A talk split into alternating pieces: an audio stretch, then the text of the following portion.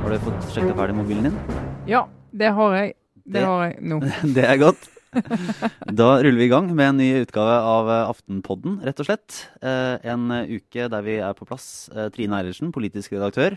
God dag, god dag. God dag. Og meg, Lars Glomnes. Sara Sørheim, vår, vår siste faste, men litt semifaste i disse tider, er i ferd med å gjøre seg ferdig med permisjonen. Ja, hun var med inntil for en time siden, men da røk det. Da røk det. Sånn, eh, sånn går det. Eh, vi kan jo starte med å, eh, å si at ukas tall for den bitte lille Aftenpodden-redaksjonen er én million. Juhu.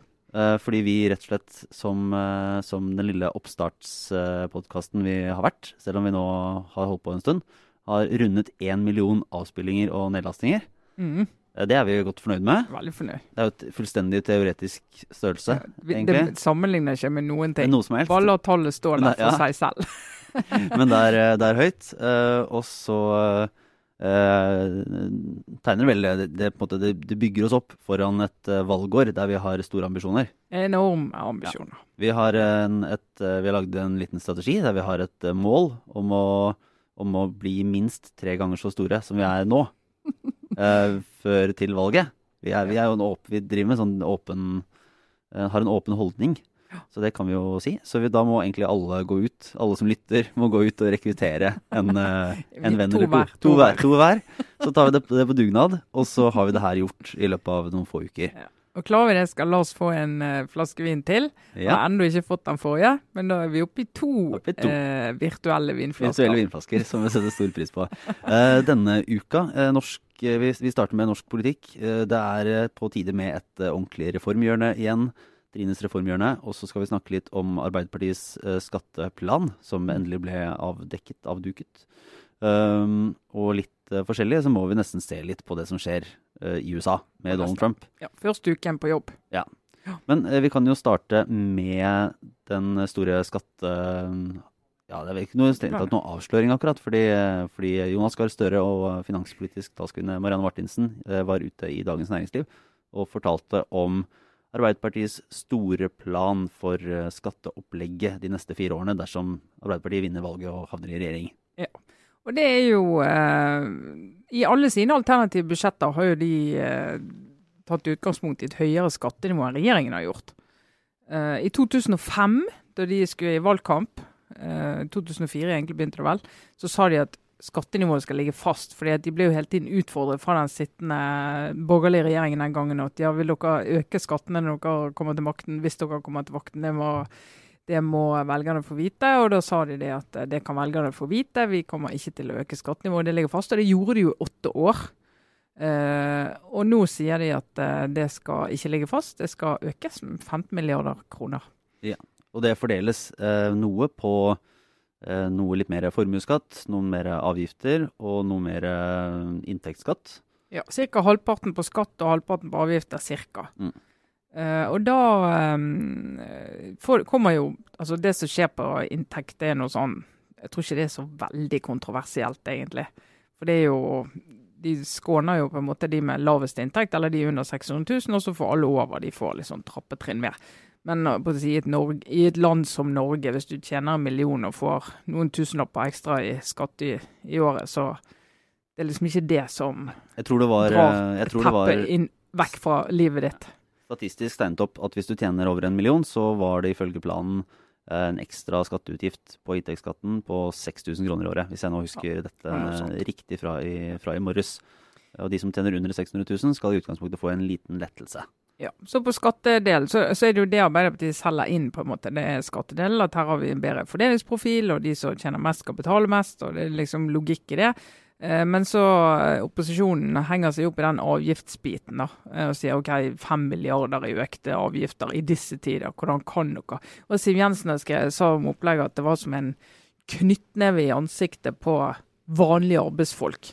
Og det, det er litt sånn ja, sånn som i gamle dager, rasering av velferdsstaten. Det er den type retorikk som jo er fullstendig over mål. Ja. Det er så overdrevet. Veldig store og til dels eh, Ja, de blir jo, blir jo tomme fordi de blir så store. Ordene rett og slett som beskriver denne skattekampen. Og det, det er jo et eh, helt klassisk skille i norsk politikk. Den, det at, at venstresiden advarer mot høyresiden og deres uh, usolidariske skattekutt og rasering av velferdsstaten. Og uh, høyresiden advarer mot venstresidens uh, enorme skatteskjerpelser og hvordan staten skal ta alle pengene. Ja, og hvordan alt stopper opp, næringsliv og investeringsvilje og arbeidsvilje og alt som er. Hvis vi går inn i den der avgiftsbiten, så inni der ligger det, sier de at det, det er jo bilavgift å fortsette på den måten som, vi, som denne regjeringen har gjort, og de, man har begynt med for en god stund siden, der du belønner de som kjøper utslipps biler som slipper ut lite gasser. og straffer de som ikke gjør det. Uh, og det er, noe, det er egentlig stø kurs på politikk der, så det, det kan jo ikke være det som er knyttneven i ansiktet. Uh, og så er det jo denne her netthandelen. som Taket for å handle momsfritt på det ble jo satt opp til 350 kroner. Uh, og det mener man har påvirket arbeidsplasser i butikker i Norge. Og kunder i Norge går inn i butikker, prøver klær, går hjem på nettet, får det billig fra utlandet. Uh, og at dette undergraver norske arbeidsplasser. Så de tar vekk det fritaket, da, momsfritaket. Så inni der ligger noe. Og det er jo Det er ikke store penger. Nei, altså Man jo... kan mene mye om det, men å liksom kalle det et knyttneveslag i ansiktet på vanlige arbeidsfolk Jeg kjenner at vi må gjerne snakke om troverdighetene til mediene, og at vi vinkler hardt og av og til blåser gjør at stort, uh, smått blir stort og stort blir lite og sånn. Men politikerne, en del av de, i dette tilfellet Siv Jensen, må nå jammen gå i seg sjøl og sin egen ordbruk også. Men det er jo interessant å se mm, litt hva som kan være konsekvensen av dette. fordi Arbeiderpartiet har jo siden uh, da 2004, eller hva skal jeg si, valgkampen 2005, så har de jo lagt vekt på at, uh, at nettopp de har uh, villet forsikre velgerne om at skattene ikke skal nevneverdig opp. Og det har vært en tydelig, tydelig løfte i hver av de valgkampene, egentlig. Mm. Um, og det har gjort at skattedebatten det har vært dyttet fra Arbeiderpartiets eh, banehalvdel over egentlig på høyresidens, eh, og for å dreie seg om skattekutt. Nå går det jo faktisk da inn for høyere skatter, og mm. en del vil jo mene at det er politisk vanskelig ja. å selge seg inn i en valgkamp på at uh, velgerne skal betale mer i skatt. Er det, men tror du den ja, er, det, er det faktisk et problem? Og blir velgerne skremt av det, tror du? Altså de, de, det var i hvert fall det de var redd for i 2004. Da var de jo redd for det. Da snakket vi om helt andre nivåer. Uh, mye lavere nivåer enn dette. Uh, men uh, de, også Oslo-valgkampen for et par år siden, da Raymond Johansen og Arbeiderpartiet i Oslo gikk til valg på å øke eiendomsskatten, det var jo en litt sånn testballong. Altså Vil velgerne slutte opp om det når de får hele logikken? Vi øker skattene fordi vi skal bruke det til også veldig konkrete oppgaver, barnehage og eldreomsorg. Eh, også Arbeiderpartiet gjorde jo ikke noe brakvalg. Det var jo ikke sånn at de vant masse velgere på det. De gjorde det greit, greit nok til at de partiene rundt de som økte, kunne danne byråd sammen med de. Eh, men eh, om Arbeiderpartiet nå prøver på den samme logikken, så er det ikke noe garanti for at det gagner de, Men samtidig de er jo helt avhengig av å få frem dette resonnementet om hvorfor de gjør det. Uh, og hva de skal gi velgerne tilbake for disse pengene. Så Det har nok klangbunn hos noen, men det er klart for Høyre og Frp så er dette her en sånn en gullkonflikt da, eh, å kjøre hardt på si, i disse tider, der folk mister jobben og der landet strever med omstilling. Så skal dere påføre dem en ekstra byrde. så vi må bare venne oss til eh, retorikken. da. Men, Nå skal det jo sies at Arbeiderpartiet hadde jo egentlig ikke noe valg. For har jo, de har jo mast på dem nå i, i lange tider for å, for å, få dem til å faktisk svare på hva de vil gjøre med skattepolitikken. Og det ville jo vært det ville vært litt merkverdig hvis de etter de siste årenes eh, klaging skulle sagt at nei, vi legger oss rett og slett på ja, nivået til Høyre og Fremskrittspartiet. Nei, de kan ikke det. og det, SV utfordrer de jo veldig på det, og mener jo de ikke går langt nok i det hele tatt. Eh, og Arbeiderpartiet også har jo brukt en veldig sånn, hva skal jeg si, litt frekk retorikk eh, når de har argumentert mot f.eks. en del av kuttene i formuesskatten. Og, og de snakker om alle skattelettelsene som har kommet i denne perioden, også de som ligger i skatteforliket, om at det er å gi til de som har mest fra før.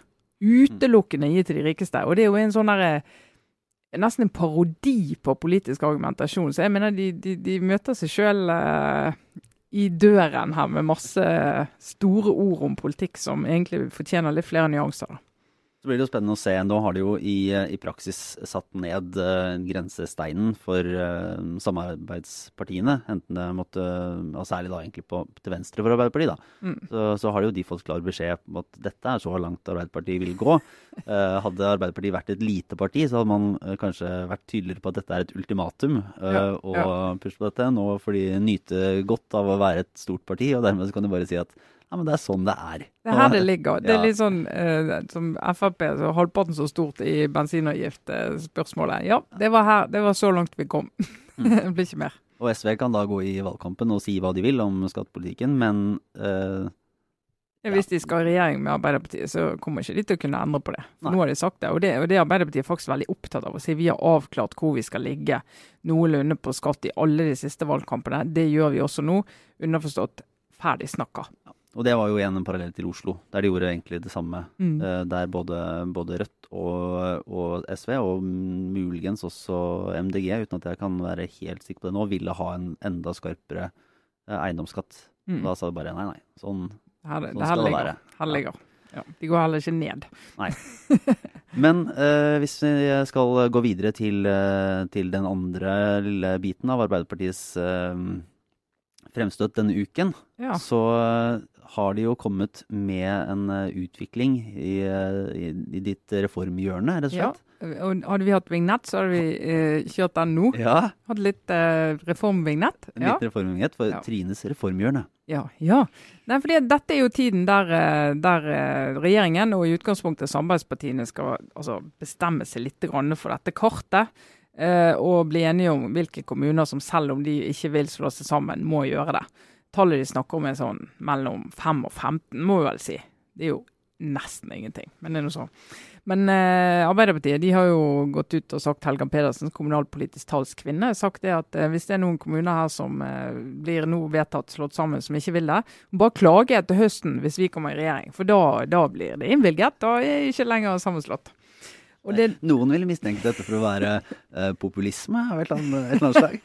Noen mistenker jo det. Arbeiderpartifolk en del eh, blir ganske opprørt over at eh, vi, uh, vi ser det på den måten. Og Det var jo interessant på mandag kom dette. Uh, Lederartikler i Bergens Tidende, Dagbladet, Dagens Næringsliv, VG og jeg skrev en kommentar i Aftenposten. var helt entydig. Dette Arbeiderpartiet. Det går ikke. Skjerp dere. Skjerp dere. Ja. Ja, og så vet jeg, Arbeiderpartiet er litt sånn, de er så frustrert. Ja, men ser ikke dere at det er regjeringen som roter det til, og de endrer spilleregler hele veien, og så sier de at vi skal ikke, det skal være i hovedsak frivillig, men så endrer de på inntektssystemet. altså det, De tar vekk belønningene til de små kommunene, og det er ikke nok ja, eh, Og de endrer spilleregler hele veien. Og nå sitter de og tegner kart, og det sa de at de ikke skulle gjøre, så derfor så må vi få lov å Men det er bare det at det er ingen som forstår at det, folk følger ikke den prosessen så tett at de liksom aser seg oppover det. Eh, det de aser seg oppover mange, det er at Arbeiderpartiet, det gode gamle styringspartiet, som har ønsket kommunereform i en generasjon, plutselig er sånn Nei, samme for meg. Kommunereform eller ikke, spiller ingen rolle. Hvis du ikke vil, så vil du ikke. Og det var helt uten kraft, uten kraft og mål og mening. Så Og det samme uken som eh, Fremskrittspartiet, Høyre og Venstre, mm. var det flere, de gikk sammen og mm, aksepterte. KrF måtte tenke seg om, det er mulig de har konkludert. Eh, KrF er jo, de er jo det de, de er noen saker de er veldig prinsipielle på, men ikke alle. Og denne saken er litt sånn Nei, vi er mot tvang. eh, Men så Nei, forresten, landsmøtet vårt åpnet jo for litt tvang. Og vi sa jo for så vidt, og vi ble med på denne reformen, at vi i noen tilfeller kunne Men da skal det ikke være for mange. Da skal det være veldig ja, ja, for de få. Skal ikke være antall som 20. kan Må, må ikke være, må, Ja. Kanskje ikke mer ti, altså, ja, så Der kommer det an på liksom skadens omfang. Og det er jo eh, for det, det husker jeg var på det landsmøtet der de bestemte seg for å åpne for dette. Eh, De er jo livredde for Senterpartiet. Senterpartiet skal banke de rundt omkring i, i valgkampen og si det er KrF. Og nå er vi tilbake igjen i politisk retorikk. Senterpartiet vil jo da si KrF. De har gått inn for tvangssammenslåing av kommuner. Så null nyanser. sant? Så det, det er bare én tvangssammenslåing, så er det kjørt på en måte. Men eh, kommer det Betyr det noe, tror du Altså, når Arbeiderpartiet først uh, har åpnet da for å kunne skille tvangssammenslåtte kommuner, Mm.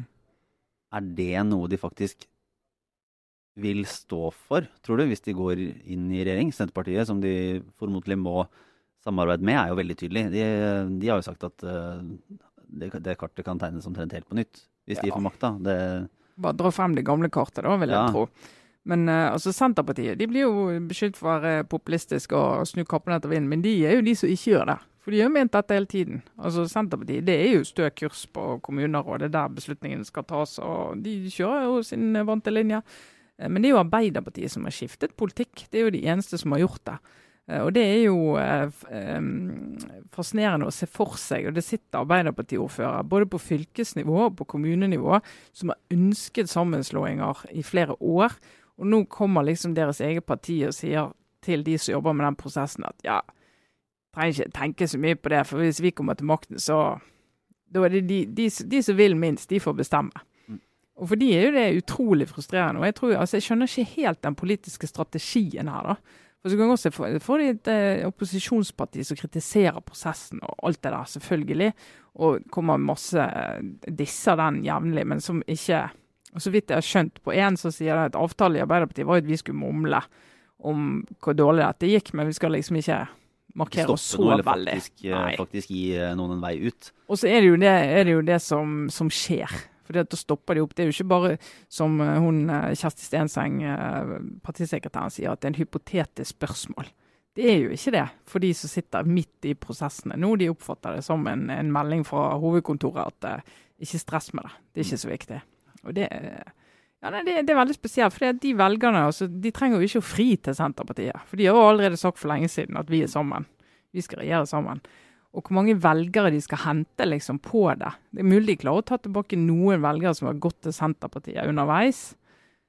Men av disse her lilla velgerne, de som flyter mellom Høyre og Arbeiderpartiet, så klarer jeg ikke helt å se hvem av de de skal, de skal fange. For de som er mest frustrerte de, de har jo gått til Senterpartiet. Eller liksom tatt helt avstand fra de store partiene. Men eh, vi kommer tilbake til eh, reformhjørnet. Absolutt. Et eh, reformhjørne nær deg eh, snart. Eh, men eh, for den andre, det har jo ikke en annen liten hva skal jeg si, en, en liten merkestein da, i den politiske uken, som, som, kanskje ikke skapte så veldig stor brudulje, men det var jo et interessant intervju Knut Arild Hareide gjorde i VG, mm.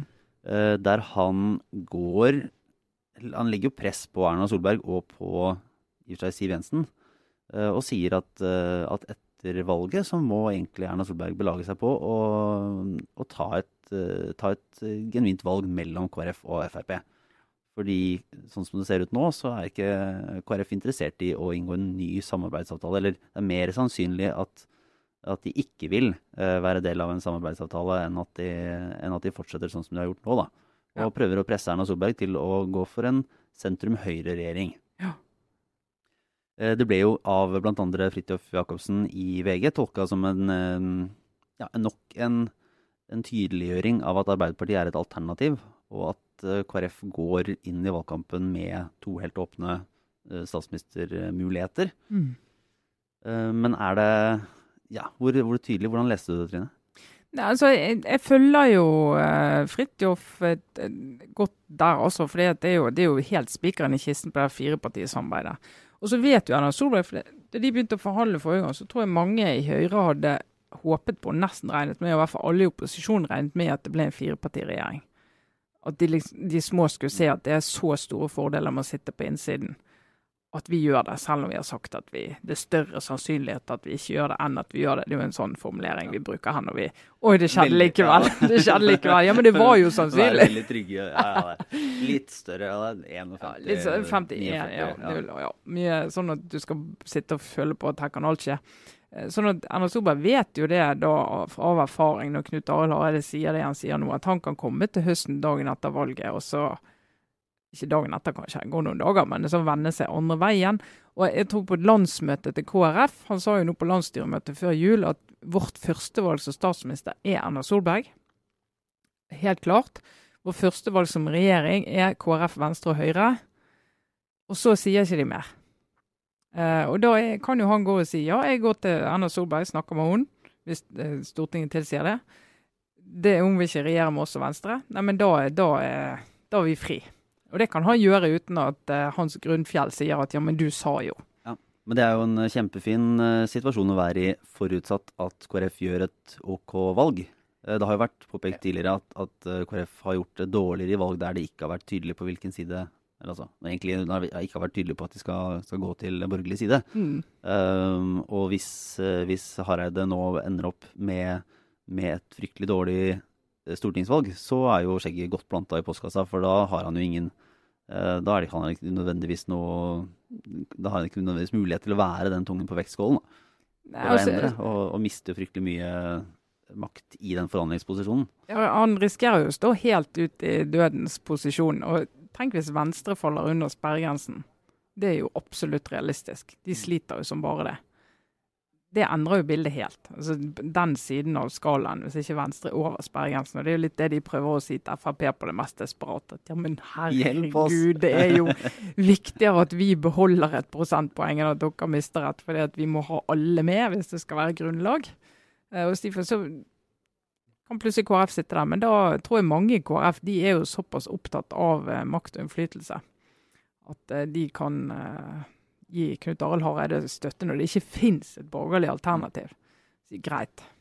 Det er bedre Da tar man den makten man får, rett og slett. ja, sitte, For KrF å sitte sammen med Senterpartiet, med Arbeiderpartiet, det er en god nummer to Mm. for mange av de. Svært mange. Så får vi se. Vi eh, svinger, eh, svinger videre ut i den store verden. Eh, Det finner, finner, kommer nok en uke uten eh, oppsiktsvekkende uttalelser og hendelser i USA. Donald Trump, etter vår eh, siste podkast, holdt sin innsettelsestale og har begynt å fyre på med diverse sånne executive orders, der han eh, signerer på ting som skal settes i gang, eh, og gir inntrykk av å være mm, fryktelig handlekraftig. Mm. Med både murer og handelsavtaler som eh, brennes opp, og det meste.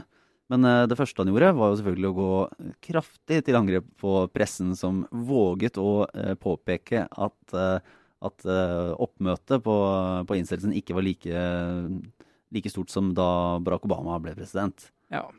Og det, det var jo så Det ble han så opprørt over at han innkalte til en helt, helt spesiell eh, egen eksklusiv press, pressekonferanse på lørdag. Før egentlig pressetalsmannen var i gang. Han skulle begynne mandag, egentlig. Eh, hvor han skulle komme med noen utfall mot eh, pressen. Og dette, og det er jo, også Siden har jo diskusjonen gått store amerikanske aviser. De har liksom underbygget at det var ikke så mange der som han sa. og det er på en måte det blir saken, da. Og det er jo egentlig helt absurd. Det har jo satt tonen for en ganske ellevill uke. Ja, en, en helt ellevill uke. Og noe som gjør at veldig mange av oss sitter og det går litt kaldt over ryggen på oss og tenker hva gjør vi nå når verdens mektigste person har et sånt fokus første dag på jobb? Så han er opptatt av egentlig er det narsissisten vi ser her. At dere sier jeg ikke er så populær som jeg faktisk er. Det vil jeg ordne opp i, for det var jeg faktisk. ja, hør på meg. Jeg var Ja, og så kommer det litt sånn Ja, han sier i et intervju at uh, ja, torturen, altså det funker. Det er ikke sikkert vi skal aldri gjøre det mer. Og så Det blir på en måte bare en sak som sklir forbi. Eh, og så tenker jeg ja, men det endrer jo på, på alt. Så Jon Wesselaa skrev på Facebook at hvis han faktisk mener det, så gjør det faktisk mye Hvor mye etterretning kan vi dele med USA? Hvordan er også fangeutveksling og alt mulig påvirker det. Svær sak. Og denne TPP, handelsavtalen i Asia, i Asia eh, hvor han eh, hvor USA inviterer alle landene for syv år siden og sier kom nå, vi må, vi må gjøre noe. Vi holder Kina utenfor, men vi må skape handels, en handelsavtale. Alle blir med, bruker årevis på å forhandle, og den som har invitert, sier nå nei, vil ikke likevel.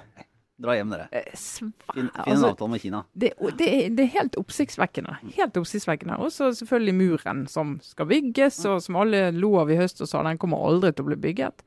Men den skal bygges, og det er sånn Han må jo få tak må jo få penger til å bygge den, da. Det er jo må det for Kongressen. eh, Men det er jo Mexico som skal betale. Ja, ja, ja. Sånn var det. Beklager. Jeg, glemte den delen der. De, sender, de begynner å samle opp penger og sende over grensa Ja, med en gang. Men eh, det er, bare, det er jo et interessant, eh, en interessant problemstilling, mange som kommer ut av dette her. Men det var en ting som, som du bl.a. har tatt opp eh, internt i redaksjonen eh, i Aftenposten den, uka, den uken her. eh, som dreier seg om hva journalister kan, eller bør, uh, uttrykke seg om og uttrykke sine meninger om. Mm. Og da særlig i sosiale medier. Ja. Uh, I denne mm, kampen mellom eh, ja, om sannheten og om troverdighet. Ja. Du kan ikke dra resonnementet litt, for det var Jo. jo en, en, en liten pekefinger. Eh, Ja, altså vi, vi, hadde, vi hadde en god diskusjon om det i dag på, på eh, evalueringsmøtet vårt. fordi at eh, i helgen så gikk så ser du mange journalister eh, er ute hos oss i andre redaksjoner og, og mener og og føler på Facebook. Og det er jo litt derfor Facebook fins. Det gjør vi jo. Eh, kommenterer saker, eh, mener Og vi, for å si det sånn, norske journalister mener 99,1% 99,9 mener omtrent det samme om det som skjer. Eh, sånn at det er veldig sånn entydig. Og vi fremstår som et veldig sånn sterkt laug når vi går ut og, og, og beklager oss over det som skjer i USA. Uh, og sånn en, hver enkelt av oss at vi gjør det, det er liksom ikke det som raserer medienes troverdighet. Noe sånt, men, det, men jeg tror vi må tenke på nå, det er etterlatt inntrykk. Hvis du som leser sitter der og i utgangspunktet ikke har helt tillit til mediene og det vi driver med, og så plutselig dag etter dag så i feeden med de journalistene du følger, så kommer alle med det samme budskapet, samme meningen, samme ståstedet. Selv om du for så vidt er enig i sak, kanskje til og med, uh, så, så tror jeg mange reagerer på at uh, journalisten er så samstemt i sitt syn i denne saken. Og da tenker jeg at vi istedenfor å mene så sykt mye der ute, så tror jeg det er viktig at vi viser frem show it, don't tell it, gode gamle journalistiske regelen.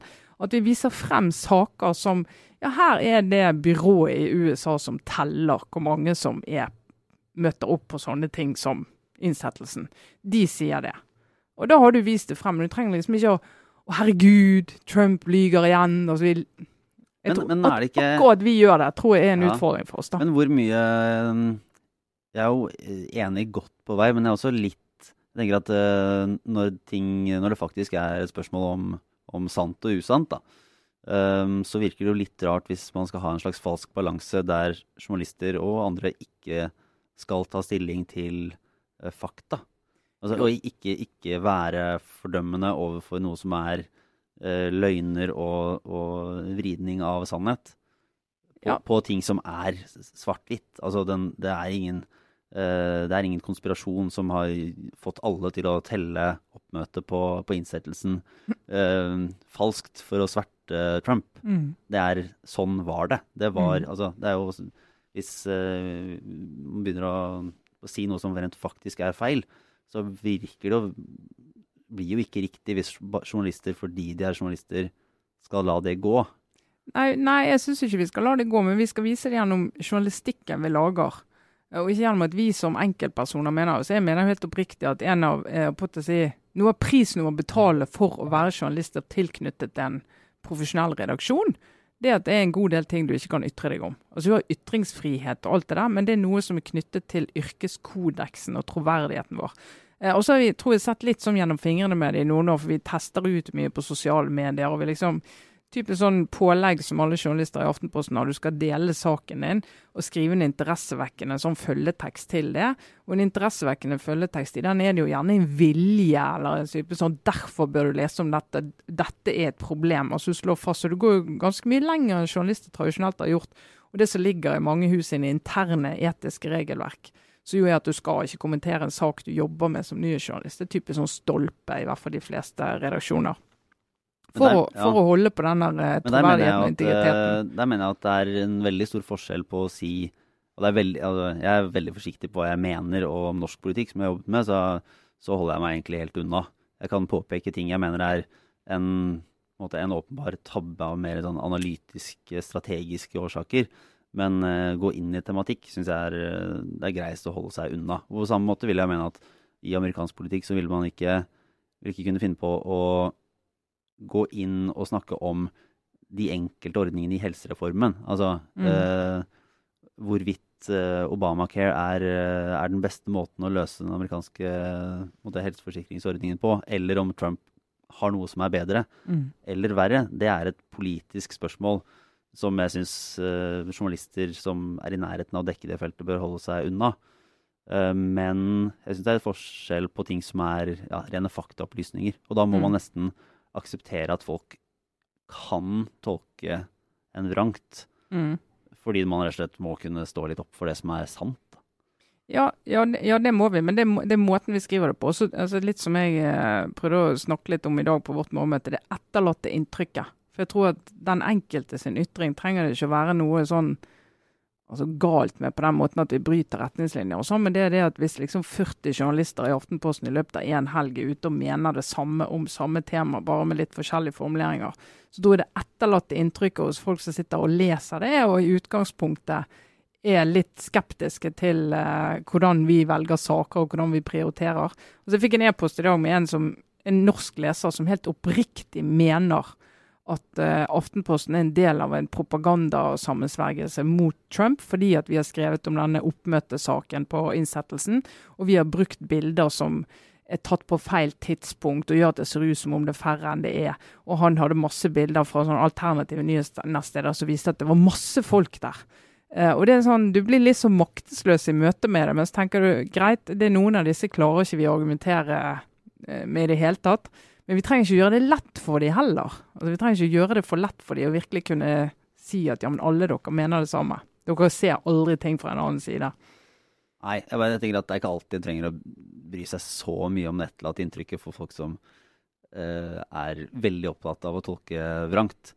Men, eh, men det er jeg bare kom på en, annen, eh, en liten bit om akkurat den uh, teoriene og, og, fake news-biten på inn, innsettelses, disse innsettelsesbildene. For det var en liten en ny vri som jeg syns tar hele den debatten enda litt videre. For nå ble det sirkulert og delt et bilde som var satt opp som forskjellen mellom Trumps innsettelse og Obamas innsettelse. Men da har man altså brukt et falskt bilde av Obamas innsettelse og brukt en bilde fra en tidligere Jeg husker ikke om det var en, enten det var en slags annen sånn kvinnemarsj eller om det var en antikrigsmarsj mm. fra 2004. Som egentlig bare viste akkurat det samme som det faktiske Obama-bildene. Men da sprer man altså falske nyheter om noe som beviselig er helt sant. Mm. Uh, og da kommer du til et sånn metanivå som ja, er fryktelig ja. vanskelig å forholde seg til. det er liksom, But why? Ja, bare, hva var formålet med det her? Er det, er det en avansert desinformasjonskampanje for å få folk til å betvile det ekte, eller er det bare noen som har ja, rota seg bort på nettet og tror de har funnet noe riktig? Eller er i hvert fall det er fryktelig komplisert, alt, uh, alt man skal vade seg gjennom? Ja, det er en sak som flyr nå på sosiale medier. Jeg lurer på om faktisk Dagbladet har tatt den eh, inn hos seg òg. Det er jo en sånn eh, amatørvideo som er tatt av hun Melania Trump. Eh, Donald Trump snur seg mot henne, og så smiler hun liksom, og så snur han seg igjen. Uh, og så mister hun helt smilet og ser bare helt Hun ser ut som en tragisk figur. Uh, og så blir dette sendt overalt liksom, som en sånn her, bevis på at han er et dårlig menneske. Han og hans ja. kone har et dårlig forhold. Uh, og liksom masse folk som kommenterer dette i sosiale medier. og det er sånne ting. Sånne ting mener jeg at sånne som oss skal ligge under. Ligge. Vi kan ja. ikke psykologisere folk på den måten. Og det bare skader oss hvis vi gjør det. da. Men dette er litt ekstremtilfelle. Ja. Men eh, vi skal ikke holde på for evig. Vi har, litt, eh, har en eh, obligatorisk refleksjon eller to eh, også inn i denne helgen her. Mm. Eh, rett og slett. Eh, hva, hva, kommer du til å prate om når du går inn i Nei, hva kommer jeg på? Jeg har i hvert fall tenkt litt på at det er ikke så verst å være embetsmann i staten. det, det, det, er ganske da, da, kan du kan slutte å jobbe, du kan nekte å jobbe, du kan For du jo, beholder jo lønn og privilegier likevel. Eh, vi har sett det før med sånne toppbyråkrater som flytter rundt og får sånn spesialrådgiver, eh, hjørnekontor. For når du er ansatt av kongen, da kan, du ikke, sånn, da kan du rett og slett ikke få sparken. Nei, det, det må skje dom. i retten. Ja, ja og da, da, må du må nesten ha prøvd å skyte dine overordnede med vitner til stede, tror jeg. Det, det, går i praksis ikke. Men da presten Øyvind Ingvaldsen, han eh, han eh, hadde ikke lyst til å jobbe som prest under det nye regimet med dette skillet eh, mellom kirken og staten og sånn som det fungerer. Så han, eh, men han er jo fremdeles embetsmann, så han lønnes jo da fra departementet. Han er egentlig ikke noe annet han vil gjøre heller. Eh, men han har lyst til å jobbe som prest, men ikke på den måten. Så han er altså helt uenig i den organisatoriske endringen som har skjedd over seg. Og det går helt fint. Det, gjør ingenting. Ja, det var en fin Jeg leste den saken i Vårt Land. var ikke det? Han er en av fem prester som har bestemt seg for at nei, den kan egentlig fortsette i uh, å være ansatt i staten. Det var ansatt ja. i en, måte, en, separat kirke. Var ikke altså, var ikke noe for meg. Var ikke noe for meg.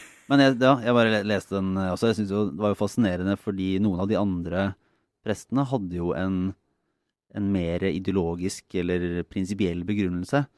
Men denne Sortland-presten var mer sånn Nei, det var en fin mulighet på riktig tidspunkt. Ja. jeg kunne sitte i, i tre-fire år og, og, få lønn. Ja, så det må jeg si for oss i sluttpakkebransje, da, der sluttpakkene blir mindre og mindre, og ja, tidligpensjonsavtale flere og flere, så må jeg si sterkt signal. Sterkt signal. Ja. ja. Den, sånn, går ikke, sånn går ikke her. Nei. Nei, få se. Jeg har jo da um, mange egentlig ting som, uh, som uh, Jeg har reflektert over denne uka. Hatt litt bedre tid. Så da Du har til og med vært på konsert, du. Ja, ja, ja. Vet du. Jeg driver uh, har et liv. Jeg har et liv. Så ja, det kan jeg for øvrig Nils Petter Molværs eh, siste skive er veldig, veldig god. Og var på, sånn på Rockefeller denne uken. Og eh, dyktige, dyktige folk. Men den uh, saken jeg tenkte jeg skulle bare slå et lite slag for, er allerede delt på Facebook-siden til Aftenpodden.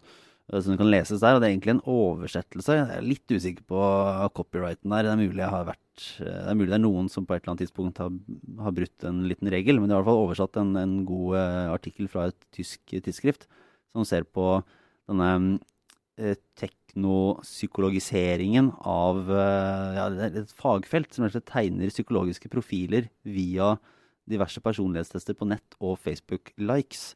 Uh, og det er litt debatt på om dette er revolusjonerende eller litt sånn humbug. Men det som i hvert fall er faktum, er at det har vært en del av kampanjene både for brexit og for Trump. Uh, og det har leid inn et, noen av disse firmaene som da hevder å kunne, kunne pinpointe nøyaktig hva som er, eh, vil påvirke en enkelt person. da. Så en av de fascinerende historiene var at den, etter den tredje debatten mellom Donald Trump og Hillary Clinton, så sendte altså Trump-teamet ut uh, Facebook-beskjeder i Hvis jeg nå ikke tar helt feil, så var det, var det 175 000 ulike varianter for å få beskjeder og ja, riktige meldinger til riktige mennesker. Og i et sånn eh, samfunn der man er redd for at folk skal havne i bobler og bare få ja, gjentatt egne synspunkter og ikke bli utfordra og ikke se hva andre mener og får, så er dette ganske skremmende, egentlig. Og det store spørsmålet gjenstår vel egentlig litt på hva, ja, hva kan det brukes til? Mm. Er det bare faenskap og, og påvirkning og manipulasjon, eller har det et eller annet uh, positivt Kan det gjøre noe positivt uh, med det? I hvert fall utrolig fascinerende fagfelt. Veldig. Ja. Ja, vi, vi har vi- i nok, nok en kapittel i alt vi deler om oss sjøl som vi ikke vet at vi deler. Ja.